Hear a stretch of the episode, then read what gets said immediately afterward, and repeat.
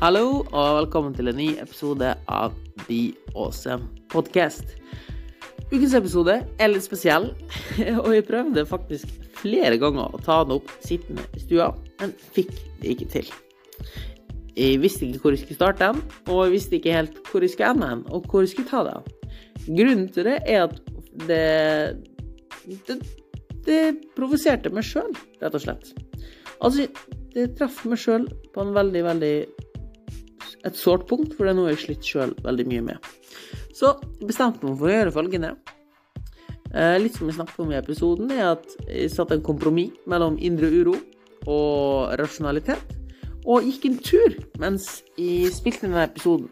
For da klarte jeg å tenke mye bedre og samle tankene mine mye bedre mens jeg gikk eh, og snakka om det. Så jeg håper at lydkvaliteten er grei nok. Og kanskje det hjelper at du også tar det og går en tur mens du hører denne episoden. Så blir det litt som at vi har en walk and talk sammen. Jeg håper at du liker episoden.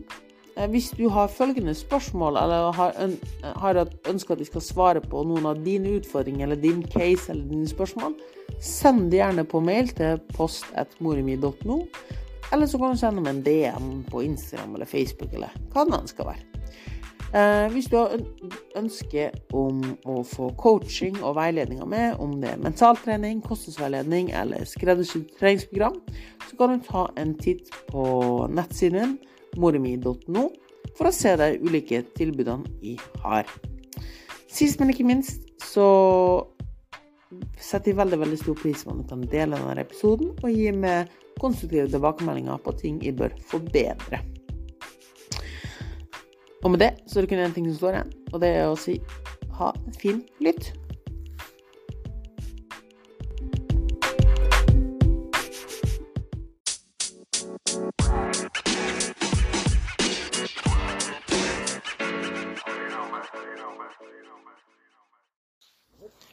Ukens episode skal jo da handle om et lyttebrev, eller en litt lengre melding, som vi fikk angående trening og litt anspent forhold til trening. Vedkommende ønsker jo å være anonym. Um, han ja, trenger ikke å finne på at han uh, Faen, hva heter det? Ja, drit i. Akronym var det jeg prøvde å finne ut av. Godt jobb, Moritz. God start på episoden, som alltid. Um, jeg skal bare lese det opp, og så skal vi gå litt inn på de forskjellige tingene. Hei. Muligens teit og alt mellom der, men tenkte siden tanken har streift deg, kanskje det gjelder flere. Tingen er, jeg trener ca. hver dag, går en del, har generelt uro i kroppen og en trang for aktiv aktivitet, aktiv hverdag. Jeg legger meg sent og står opp litt for tidlig.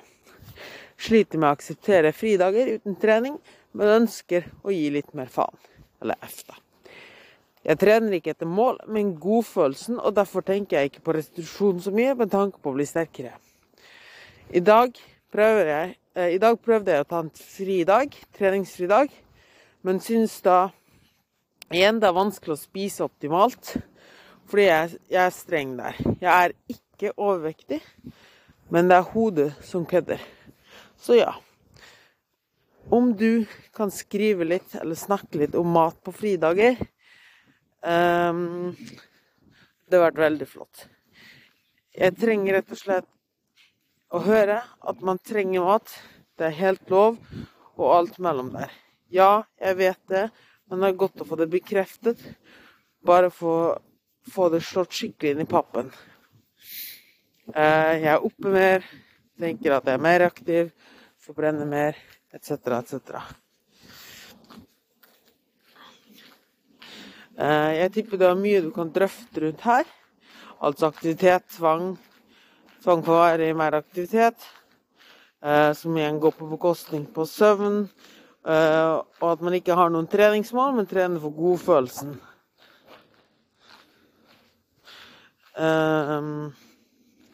Som, som da gjør at man trener for godfølelsen, som gjør at jeg personlig tenker at man ikke må restituere Eh, for å bygge seg opp igjen. Som igjen bidrar til at man aldri hviler, hvis du skjønner. eh, var mye, men jeg håper du kan gi meg noen gode svar. Jeg synes eh, først og fremst at det var vanvittig bra skrevet, og det var vanvittig bevisst. For du tror at veldig mange går rundt med en slik uro og en tvang rundt trening, men ikke er like bevisst på den, eller ikke tør å snakke om den på samme måten. og jeg må nå ærlig innrømme at jeg sjøl har slitt, og sliter veldig mye med det. Uh, og jeg tror det første steget har du allerede gjort. Og det er det at du anerkjenner at du har en utfordring med det. Videre så Ja. Og det jeg skal gjøre nå, er at jeg skal snakke litt rundt min erfaring med slik tvang. Hvordan jeg håndterer slik tvang. Men jeg skal også drøfte litt rundt hvorvidt den tvangen er farlig, og om den til en viss grad kanskje er positiv, og hvordan balansegangen går. Vi kan starte med det første, at jeg har jo slitt enormt mye med nettopp treningstvang og aktivitetstvang. Og også spesielt mye indre uro. Eh, for min del skyldes det nok veldig veldig mye mindreverdighetskomplekser. Eh, og at de føler at de ikke er Og det der, merk, det er ikke samme for alle. Jeg har snakka veldig mye med psykolog, og vært gjennom mye behandling der, og jobba mye med meg sjøl. Men jeg tenkte bare å forklare, snakke litt om min egen erfaring først. For min del så har jeg slitt veldig mye med indre uro. Eh, fordi jeg føler at det ikke er tilstrekkelig, da. At det ikke er nok. Eh, og derfor må jeg gjøre mer og mer, fordi jeg ikke er flink nok på det jeg gjør. og det, som du sikkert kjenner til, så vet du jo at mer ikke nødvendigvis er bedre. Eh, som folk flest egentlig vet, men det er lettere sagt enn gjort å gjøre noe med det. Um, og det som da skjer, er jo det at for min del så ble det jo da mer og mer trening, mer og mer aktivitet og slike ting. Og jeg tror at det handler om å finne balansegangen mellom hva som er sunn indre uro, og hva som er usunn indre uro. Og å kunne bruke trening som et utløp for indre uro og usikkerhet, tror jeg er veldig, veldig bra. Men det, alt kan bli for mye, Akkurat som rus eller dop eller, eller sex, for den saks skyld. Man kan bli avhengig av alt. Eh, men jeg tenker å kunne bruke trening og aktivitet som et utløp for uro, en veldig god ting. Men det bør ikke være det eneste verktøyet vi har. For da kan det fort ende opp dårlig, slik som det gjorde med meg. Um, som sagt, det første du bør gjøre, er at du anerkjenner at du har en utfordring. At det er et problem du har. Og at du må lære det og gi Å kunne bruke det. Bruke det som et verktøy. Altså få vekk indre uro med trening. Men at du ikke overbruker det, og at du har andre verktøy. Og her kan det f.eks. med mindfulness og lignende hjelpe. Mm. Sette seg ned og tørre å sitte i den uroen. Hvis man alltid bare løper vekk, og aldri adresserer hva som faktisk fører til den indre uroen, så vil man aldri komme noen vei. For noe. da løper man bare og løper og løper. Både Faktisk både sånn forestillingsmessig, men nå også da faktisk løpe vekk. Så jeg tror det første handler om at du rett og slett må tørre å sette deg ned og tenke over hva er det som gir den indre uroen. Um, noen kompenserer for den indre uroen eller den usikkerheten, eller Det er en sånn vanskelig følelse å beskrive, men jeg tror alle kan ha en usikkerhet, uro, angst, stress. Kjært barn har mange navn. Um, men jeg tror noe av det viktigste man kan gjøre, er å sette seg ned og sitte i den. Og det, ja, det er jævlig ukomfortabelt, men du må bare kjenne på den. Kjenne på følelsen, og finne ut hva, når kommer den, og hva er den fører til. Og iblant så kan jeg garantere at du kommer til å klikke og kommer til å overkompensere med kjempemye trening. Eller la oss si at det samme gjelder for bindskyting. Da Da vil du overkompensere med kjempemye spising den dagen. Fordi du klarte bare ikke å stå i det. Og det er helt i orden, det. Det er del av prosessen. Det du bør gjøre, er at du setter ned og skriver ned hva, hva er det som gjør at du blir urolig, og i hvilke scenarioer er det er det en felles ting som skjer? Når skjer det? Hva er det som skjer? For min del, f.eks., så er det ofte en veldig stor trigger for meg er helgen. Eh, eller dager der jeg ikke jobber. Nettopp pga. mindreverdighetskompleksene så føler jeg meg lat og teit og feil og dårlig. Det da fører til at jeg må kompensere på en annen måte, og da gjerne i form av mer trening. Og problemet blir jo da at det blir mer og mer og mer og mer. Så det man i måte da gjør, er å rett og slett sette meg ned i den indre uroen og kjenne etter hva den er. Hvorfor er jeg urolig nå? Jo, for min del så var det jo da, som sagt, at jeg følte at jeg var lat og teit og dum som ikke gjorde noe, eller ikke jobba, eller tjente penger, eller hva det var, eller ikke trente. Så må man da tenke skrivende en liste med hvorfor det er greit, hvorfor man må tillate seg sjøl å slappe av. Og dette her er en kjempevanskelig prosess, og vil nok anbefale at man tar det med psykolog. Eh, kanskje noen få psykolog eller mentaltrener, coach, hva det enn skal være. Jeg, har sjøl jobba veldig mye med psykolog, og har også fått jobba en god del med meg sjøl og andre gjennom min mentaltrenerutdanning og prestasjonspsykologi. Der vi også handler, snakk, eh, jobber mye med dette her med indre uro og usikkerhet, og måter å håndtere dette på. Så det vil ikke finnes ett enkelt svar for alle, men noe av det viktigste vil være å tørre å stå i det og sitte i det. Ikke overdriv det, men litt kan du gjøre. Det du f.eks. kan gjøre, hvis du merker at det er en dag der du er veldig urolig, eller stress eller angst, er at du bruker coping-mekanismen din til en viss grad. Du avklarer OK, jeg kan la oss si løpe en time, eller et eller annet. Gjør treninga di som planlagt. Men deretter så skal du Hvis du da fortsetter den indre uroen, så får du ikke lov å gjøre mer. Du skal kjenne etter, fordi nå har du allerede brukt den coping-mekanismen din. Videre nå så må du kjenne etter.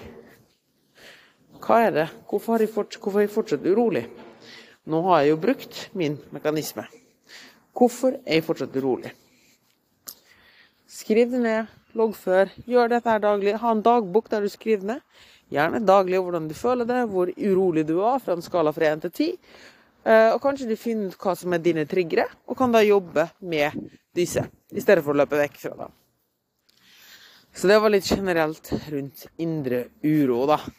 Om det din coping-mekanisme eller strategi er mat eller trening eller sjølskading eller hva det skal være, så har du mest sannsynligvis en eller annen ting du gjør for å avlede deg sjøl vekk fra den uroen. Det vil ikke hjelpe for alltid. For da må du alltid gjøre akkurat som med rus, eller hva det skal være, for å få samme stimulien eller samme effekten. Må du gjøre mer og mer og mer og mer, og det ender opp i en veldig ond spiral. Hilsen en som har overdrevet veldig mye, og må jobbe veldig, veldig hardt for å redusere det hele igjen og stå i det. Stå i uroen.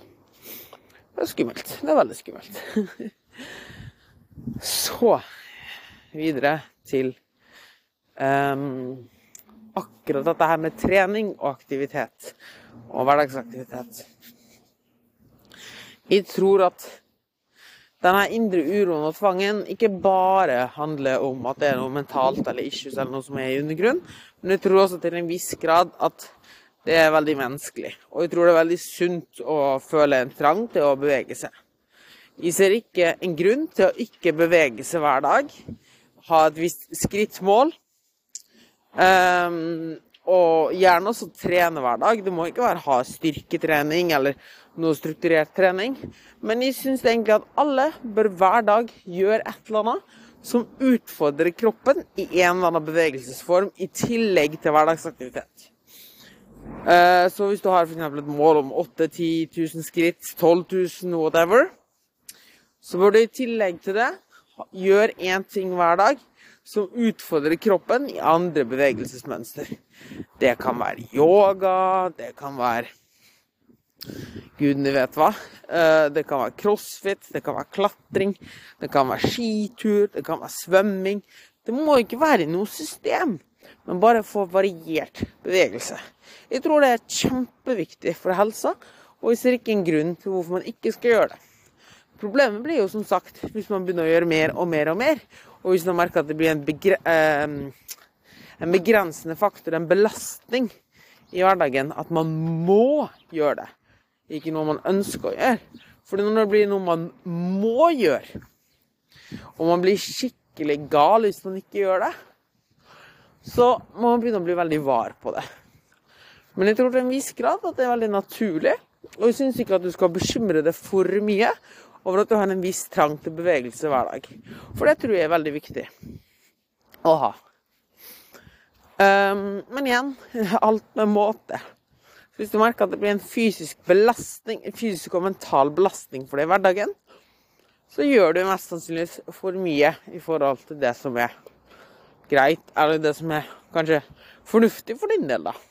Og her finnes det ikke noe fasit om det skal være så eller så mye. Det vil avhenge av din livssituasjon, og hvor du er i livet, og hva du trives med, og hva du har gjort tidligere. Så jeg skulle gjerne kommet med en fasit som sier gjør så og så mye av det og det. Men det finnes dessverre ikke. Mm. Neste steg eh, er jo da dette her med kosthold. um, og det du kan tenke på her, er at du trenger mat uansett. Og det har du skrevet om sjøl også. At du vet vi har en grunnforbrenning. Og det maten, energien kroppen din trenger, uansett. For at du bare skal leve og puste og kunne fungere som et menneske. Det der må du uansett ha i, mat, i kostholdet ditt. Det, eller hvis du ikke spiser det, eller det er energien kroppen trenger bare for å leve, BMR-en min, da, basal metabolic rate, den ligger på rundt 1200 til 1800, eller opp til 2000, alt ettersom hva du er. Så har du TEF, termisk effekt av mat. Det betyr at alt du spiser, må jo fordøyes, og det bruker også energi. Så faktisk, når du spiser mer mat, så forbrenner du mer. Det står ikke stilt til hverandre, men uansett så er det greit å vite. Så har du NEAT. Eh, non-exercise activity thermogenesis. Og så har du trening. Eh, realiteten er at folk flest over, overvurderer hvor mye trening har å si, og undervurderer hvor mye hverdagsaktivitet har å si. Fordi faktisk er det slik at hverdagsaktiviteten din og det at du bare tusler rundt, har mye mer å si enn den timen, halvannen med trening du gjør i løpet av dagen. Med mindre du eh, trener veldig mye, eller trener på et veldig høyt nivå. Da vil selvfølgelig treninga utgjøre en mye større del av forbrenninga di. Men for folk flest vil hverdagsaktiviteten bety mye, mye mer. Og det jeg skal gjøre nå, kommer til å gi en litt mye, mye bedre forståelse, og kanskje et litt mer avslappa forhold til trening også. Det du kan tenke på, er at kaloriinntaket ditt, med mindre du gjør noe veldig ekstremt en dag eh, for treninga, bør være ganske likt, uavhengig av hva du trener. Eller hva du gjør av fysisk aktivitet. Ditt kaloriforbruk, eh, ditt daglige inntak, da, matinntak, bør basere seg på din snittaktivitet. Ingen faen bryr seg om du spiser 200 kalorier mer en dag enn det du har forbrent.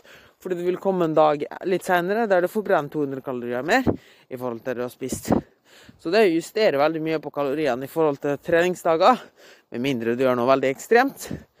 Eh, også med tanke på næringsstoff syns jeg er veldig tullete og fører til mye stress. Eh, så lenge du har en hverdagsaktivitet som er veldig lik, og jeg ser ikke noen grunn til at du skal måtte redusere den, med mindre det blir en stor tvang. Og så sette på OK, jeg skal gjøre en halvannen til en time med noen form for ekstra aktivitet hver dag. Kanskje det bare blir ti minutter en dag, whatever. Um, men du har en baseline på det òg. Eller kanskje bare ha litt flere skritt den dagen. Det kan jo også hende. Så ville jeg holdt kaloriforbruket græla likt. For det er jo folk flest forbrenner ikke mer enn 200-300 kalorier per trening. Um, om du spiser mer en dag, så har ikke det så mye å si. Og hvis du virkelig merker at du vil merke at OK, la oss si at den ene dagen der du ikke gjør den ekstra treningen din, da, eller aktiviteten din, så kutter du kanskje med 200-300 kalorier. Hvis det gjør at du føler det mye bedre. Og Der gjør du egentlig primært for det mentale sin del, fordi faktisk sånn kalorimessig så har det kanskje ikke så mye å si engang. Så det var det. Um, det har jo også Åssen skal jeg si det på en god måte? Ja, så hverdagsaktiviteten har jo mye, mye mer å si på kaloriforbruket ditt enn selve treningen. Det gjør jo da også at vi kan se på trening litt mer avslappa. Fordi du trener ikke for kaloriforbruk. Du trener for eh, trivsel, for indre uro, for utvikling. For å lære ny skill, f.eks. kampsport, klatring, eh, yoga.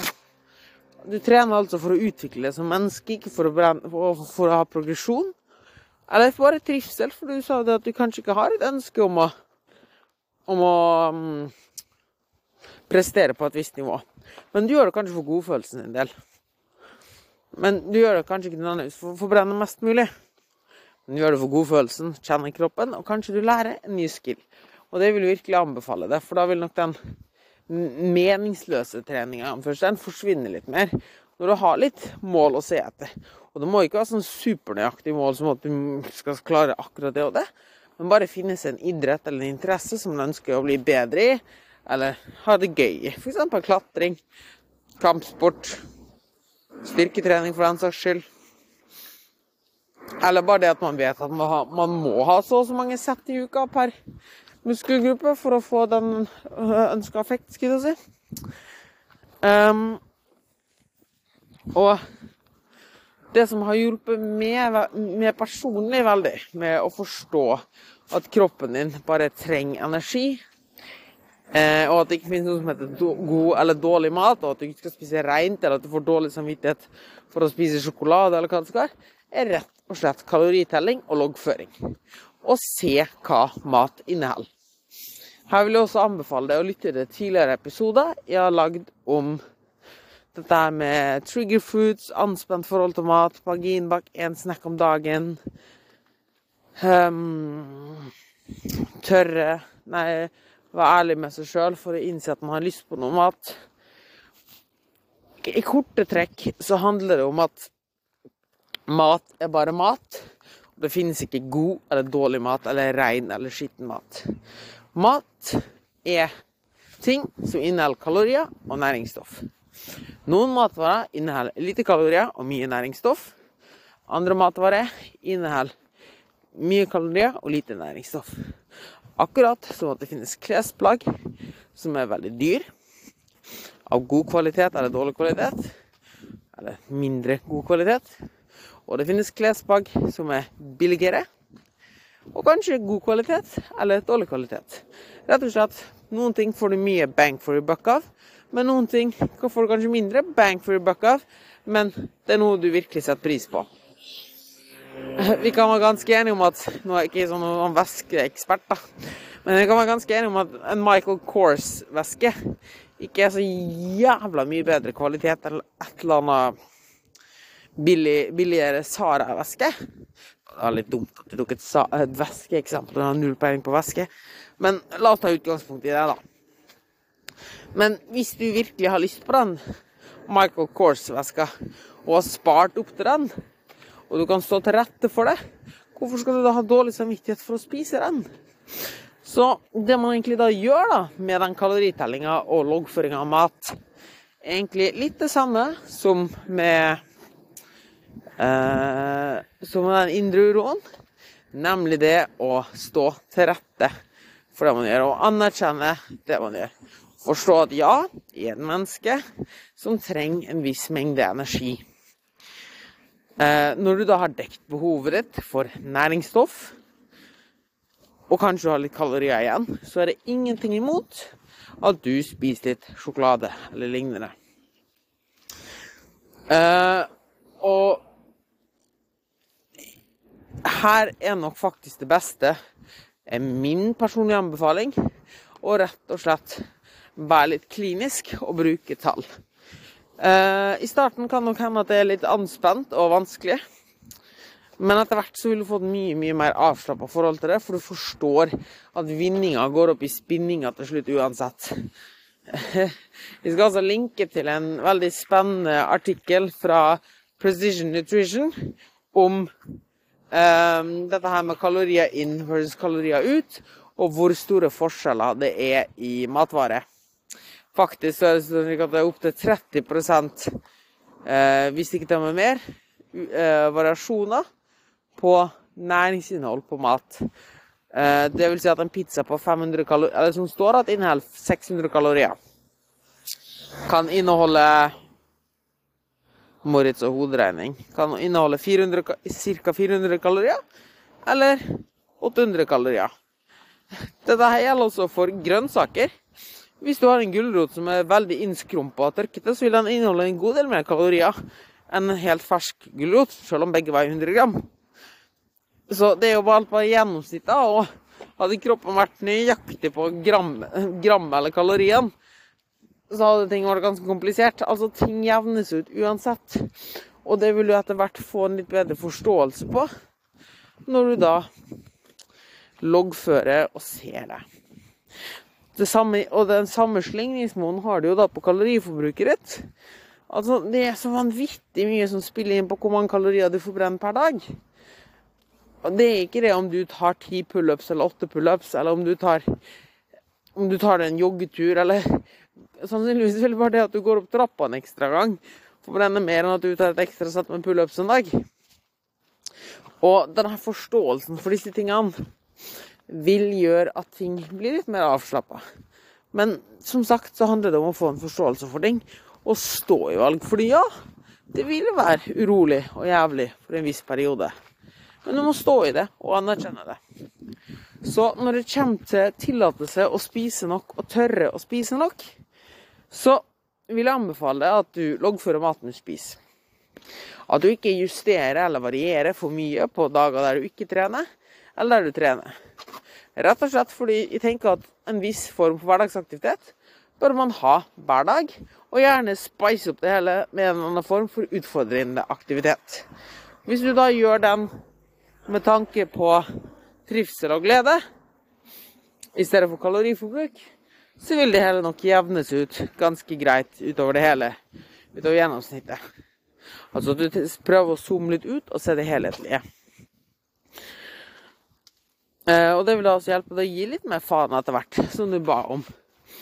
Um, men jeg tenker som sagt at det å ha en viss standard for hverdagsaktiviteten, at det rett og slett bare er sunt og bra og heller da den ene dagen der du skal ut på reise eller noe sånt, kunne forstå OK, i dag hadde de bare 5000 skritt, 5000 skritt mindre, og hadde ikke min vanlige form for en time med aktivitet, da, f.eks.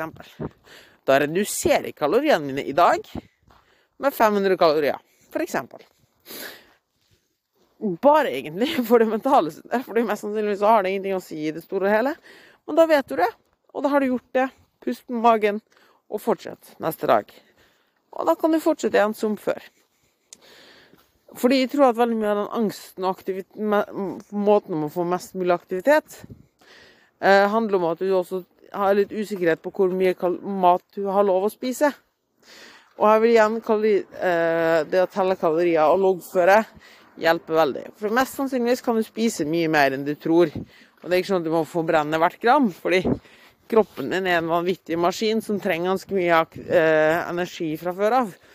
Og du kan spise det vel, men hvis du får litt kunnskap om kosthold, kan du mest sannsynlig spise det overraskende mett og god på langt mindre enn det kroppen faktisk trenger. Og da har du også igjen for litt kos. Ta med som eksempel, som driver, er veldig aktiv gjennom jobb og gjennom treninga mi. Um, så jeg klarer å dekke behovet mitt for næringsstoff. Altså nok protein, nok, nok eh, sunt fett, eh, nok vitamin og mineral, alt dette der, på rundt 2000 kalorier. Da har jeg alt etter eh, periode i livet 2000-3000 kalorier igjen, for de ligger på 4000-5000 kalorier per dag. Som egentlig i år skal fylles opp med drit. Eller åh, Moritz ikke brukt drit, da, men med den maten jeg egentlig har lyst på. Skulle spist næringsrikt her i tillegg, så hadde de jo sprukket. Um, nå ble det en liten tangent her, en liten off, uh, sidespor. Men her igjen, da. Jeg ville bare vise at mest sannsynligvis, da, hvis du er en litt mindre jente eller kvinne, eller hvis du er en mann som ikke er så aktiv, kan du med smarte mat matvalg helt fint dekke behovet ditt for næringsstoff med rundt, ja, jeg vil si 1500 hvis du er litt mindre. La oss si 1200 hvis du er superflink, til 2000 kalorier per dag. Resterende kalorier som du egentlig mest garantert har igjen, basert på din hverdagsaktivitet, kan du bruke på kos og snadder. Og du vil ikke legge på deg å ha det kos og snadderet. Og bare det å stå i det og gjøre det for en periode, ha en eksponeringsterapi Det er derfor jeg er veldig glad i én snack, altså ett kosemåltid om dagen vil hjelpe deg veldig på det hele. Huh. uh, ja, jeg håper at jeg svarte til en viss grad på spørsmålet. Men jeg tror som sagt at mye av den indre uroen kommer av at man ikke tør å anerkjenne og se at man trenger den maten. Hvis du da parallelt også veier det ved siden av, gjerne daglig, og ja, drit i det daglige tallet, det er ingenting å si, men se på snittene over tid. Hvis du veier det daglig og loggfører maten du spiser, og har et ganske jevnt aktivitetsnivå, så vil du etter hvert se at det helse seg ganske greit. Og du kan, da kan du gjerne prøve å spise litt mer uten å øke aktivitetsnivået, og se hva som skjer. Kanskje du kan spise mer og føle det bedre. Eller vice versa. Hva som er for mye trening eller aktivitet for din del, kan jeg dessverre ikke svare på. Men jeg tenker at hvis du merker at det blir en byrde, så må du rett og slett anerkjenne det og gjøre noe med det.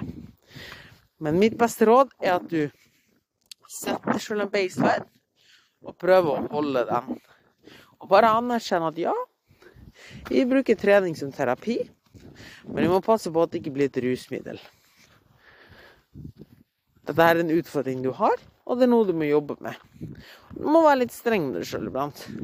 Og ikke bare bruke mer og mer, men du må ha andre strategier for å jobbe med det. F.eks. mindfulness, meditasjon, loggføring av dagbok, noe lignende. Snakk med folk om utfordringene dine. Finn ut hva som er dine triggere. Men jeg tror til en viss grad er en sånn indre uro og trang om bevegelse veldig, veldig sunt og naturlig. Men det kan bli for mye, som jeg sjøl er et veldig, veldig godt eksempel på.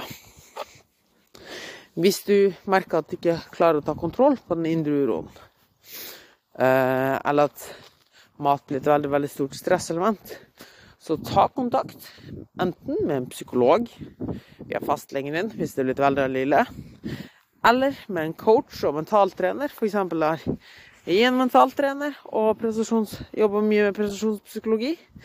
Både på hverdag og i trening. Eller så kan man alltids henvise videre til noen. En app som eh, Headspace er veldig bra. Man har mindfulness-kurs der. Eller BetterHelp, en online-plattform med veldig dyktige psykologer.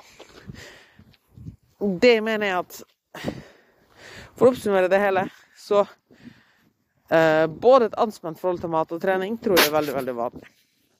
Jeg tror at trening er veldig lurt å ha en viss mengde av hver dag.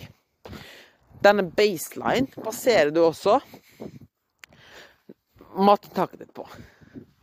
Og ser på kroppen din som en fantastisk maskin som uansett trenger mat.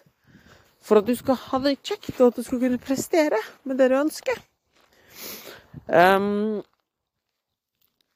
pass på også at trening ikke er den eneste måten eller strategien din for å jobbe med indre uro. Lær deg å sitte inn i indre uroen, og lær deg også å håndtere den på en annen måte. Ha flere verktøy i verktøykassa di. Det kan være mindfulness eller meditasjon. Det kan være å snakke med mentaltrener eller psykolog eller behandler. Det kan være loggføring eller skriving av notat. Mm. Det kan være en habit check. Eh, det å lære seg å stå i ting og utvikle seg som menneske der også. Og det å klare å slappe av og sette pris på det også. Og det også måtte utvikle seg på. Til syvende og sist, så, ja, også når det kommer til maten, så vil jeg anbefale bare å loggføre det du spiser, ordentlig. Fordi da kan du få en bedre forståelse av at ja, du er et menneske som trenger mat, du òg. Til syvende og sist skal jeg gi deg to av mine beste råd eller tips som jeg har brukt veldig mye. Det ene handler om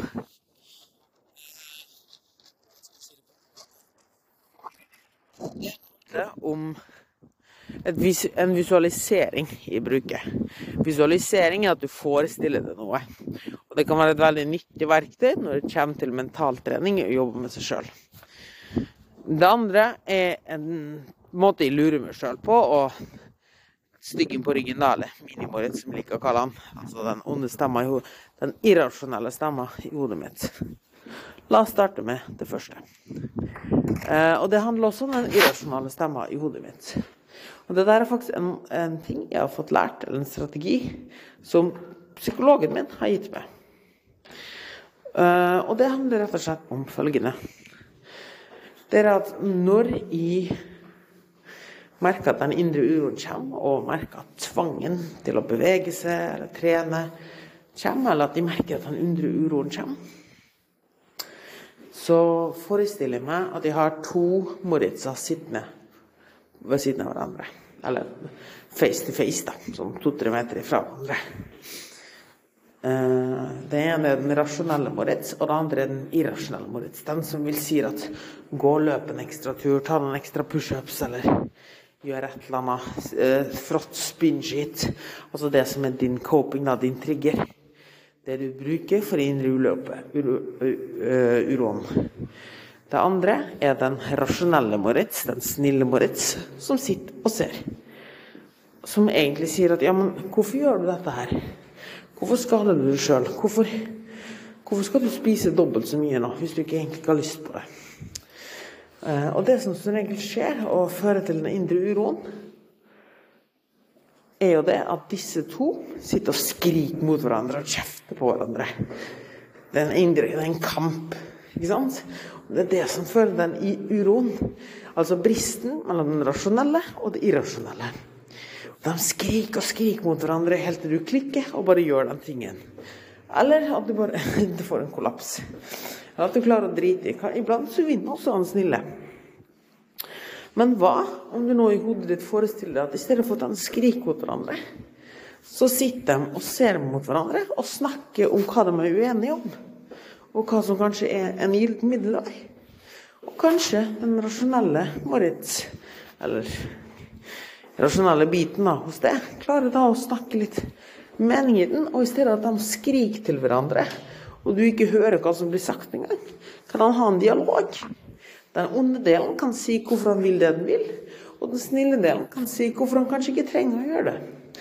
Det høres teit ut, men jeg tror at med en gang du forestiller deg dette her i hodet, når du kjenner på denne uroen, at du har en snill part og en ond part, og at de skriker mot hverandre, men nå skal du forestille deg at de sitter og ser mot hverandre, så tror jeg at du vil klare å finne en gyllen Det vil ikke alltid funke. Kanskje den slemme parten vil skrike kjempehøyt en dag. Men sannsynligheten er at de vil kunne snakke mye mer med hverandre. Og i stedet for at det blir en kamp og en indre dialog hver dag, nei, en indre uro hele tiden, så klarer du kanskje å roe og la dem snakke og finne en god kompromiss, som igjen gjør, som vi snakka om litt tidligere, at det ikke blir mer og mer og mer, men at du kan bruke f.eks. trening, da, som terapi. Fordi du lar den irrasjonelle delen snakke litt. Som du sa, du ønsker å trene for godfølelsen. Det er helt i orden, det. Det er greit, det. Den irrasjonelle delen får lov å ta sin bit. Men siden de to bitene ikke skriker mot hverandre, så kan man rasjonelle biten også si at ja, nå har, du, nå har du gitt ditt utløp. Nå er det min tur å snakke. Nå setter jeg meg ned og gjør mindfulness. Så prøv å visualisere det en ond part og en god part. Og at de to må finne en kompromiss seg imellom. For hvis de bare skriker mot hverandre, så vil du nok sjelden finne en løsning. Og det er nok derfor du også merker den ekstreme uroen når du da har en helt treningsfri dag. når du da har, at du merker den ekstreme uroen når du har en helt treningsfri dag. For da er det plutselig den rasjonelle delen som skriker altfor mye og har slått ned den irrasjonelle delen. Og det er ikke kjekt, det heller, akkurat. Så du skal finne en gylne middelvei ved den visualiseringa. Det andre rådet jeg kan gi deg, er at du um, lurer deg sjøl med følgende. Ofte kommer den indre uroen, hos meg i hvert fall, ved at jeg føler at jeg ikke gjør nok, eller ikke gjør det bra nok. Um, og føler at jeg må gjøre mer enn noe annet. Føler at jeg er lat eller teit hvis jeg ikke gjør det. Litt som du sier da på hviledagene dine, at jeg føler at um, du må kompensere med mindre mat, eller bare spise kjempesunt og sånn. Og det du kan gjøre her da, er at du lurer deg sjøl litt at hva er det egentlig som er den vanskelige tingen å gjøre? Jo, den vanskelige tingen å gjøre er jo å la være. Altså ikke kompensere og ikke straffe seg sjøl. Og klare å sitte i det og tåle det. Det er jo det som er det vanskelige. Så faktisk vil jo du ved å gjøre det du anser som det late, faktisk være det vanskelige for din del. Så der det kanskje for andre er vanskelig å komme seg på trening, er kanskje det vanskelige for din del å la være å trene enda mer. Dermed så vil jo det utfordring. Og du gjør jo faktisk det stikk motsatte av å være lat. Lat eller teit eller feig er det jo hvis du bare gir etter for den følelsen. Så det er en måte jeg lurer meg sjøl på, er at Jan Moritz, det som faktisk er vanskelig for din del, eller utfordrende for din del, er jo å la være å gjøre enda mer. Dermed så vil jo det være det du bør jobbe med. Og hvis du er redd for å bli lat eller ikke tørre å Eller redd for å gi slipp, så er det jo faktisk det å det å jo faktisk slipp og lat ved å gi etter for tvangstanken. Det som er tungt, er å jobbe imot den. Så på den måten så lurer jeg meg sjøl til å kunne slappe av mer, da. Eller lurer meg sjøl til å faktisk spise det jeg skal. Selv om jeg kanskje har trent mindre eller lignende. For, og det vil jo være det vanskelige for min del. Det lette for min del, eksempel, da, som har slitt mye med anoreksi og slike ting, hadde jo vært å bare unnlate å spise. Men ved å bruke den tanken om at ja, men du ønsker å utvikle det, og du, ønsker, du er redd for å bli lat, eller bare ikke gjøre det Ikke stå i ting, da. Eh, eller ikke strekke til, eller ikke gjøre det bra nok. Og derfor prøve å kompensere enda mer. Men realiteten er jo at det som faktisk er det lette for din del, er å vie tvangstanken mer oppmerksomhet. Så ved å stå imot, så er det jo faktisk det du da gjør. Det er jo da du tar det tunge valget. Så det er en måte jeg pleier å lure meg sjøl på for å klare å slappe av litt mer, da, er at det å slappe av er jo faktisk det som er vanskelig for min del. Så ved å ikke slappe av, så jo, tar jeg jo faktisk den lettvinte veien. Så hvis de faktisk ønsker å utfordre meg sjøl, eh, og ønsker å jobbe med meg sjøl, så er det faktisk det å slappe av i personlig bør gjøre noe. Og det samme, og, eller det å tørre å spise den maten man i anførselstegn har planlagt å spise, eller skal spise i anførselstegn. Det er jo det som er det vanskelige. Ikke det å unnlate å spise. Så hvis du merker at du får en viss sånn angst eller redsel for å tørre å spise det du skal, eller, må, eh, eller føler at du er teit eller lat, eller du er redd for å bli lat eller feit, eller hva det skal være, eller føler at alt kommer til å falle fra hverandre, så er det nettopp det å kunne si til deg sjøl ja, men det vanskelige valget, det som er tungt, det er faktisk det å stå i det, stå imot. Og det å det å faktisk ikke bare gjette, da. Og det er en måte jeg pleier å bruke for å bli kvitt den indre uroen eller tanken om å ikke strekke til, er da at ja, men hvis du ikke ønsker å strekke til, så vil du utvikle det. Du vil ta det tunge valget. Det tunge valget er faktisk det å tørre å slappe av, eller tørre å spise nok. Så det man, det man egentlig anser som det late, det å være lata, eller det å bare fråtse i mat, eller det å bare chille den helt, ta det helt piano, eller kanskje ta en treningsfri dag. Det er jo det som er det vanskelige valget. Og når du har tatt det valget, så er det jo faktisk det som er mye mer utfordrende enn å bare gi etter for følelsene. Og det er en måte jeg pleier å lure meg sjøl på når jeg er redd for at jeg kommer til å bli late eller feit eller hva det nå skal være. Kanskje den også hjelper. Nå har jeg snakka mer enn lenge nok. Eh, jeg håper jeg kunne svare på det, og tusen takk for at du Tusen takk for at du sendte inn. Og jeg håper at ja, jeg håper at du kunne svare på noe av det du lurte på, og du fikk meg til å reflektere litt sjøl og bekrefte meg sjøl at det gjør jeg riktig. Tror jeg.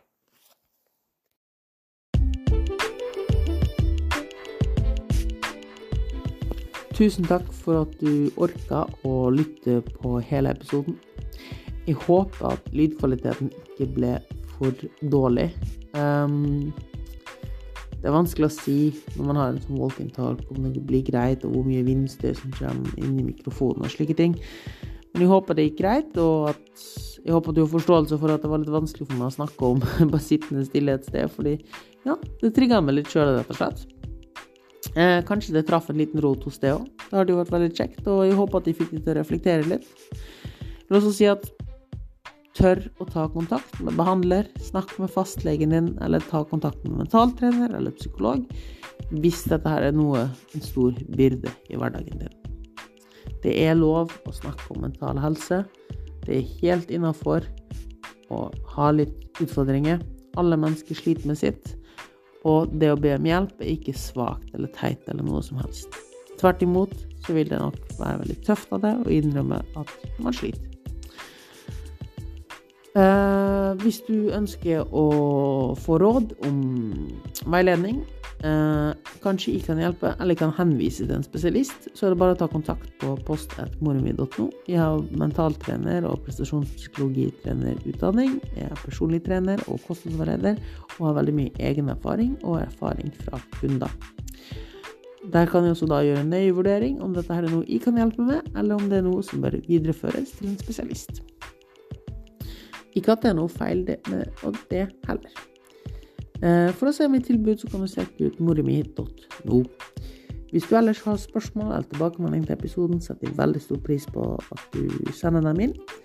Eh, ellers så setter jeg også pris på en del episoden, og med det så er det kun én ting som står igjen å si, og det er gå og ha en awesome uke. Tullu!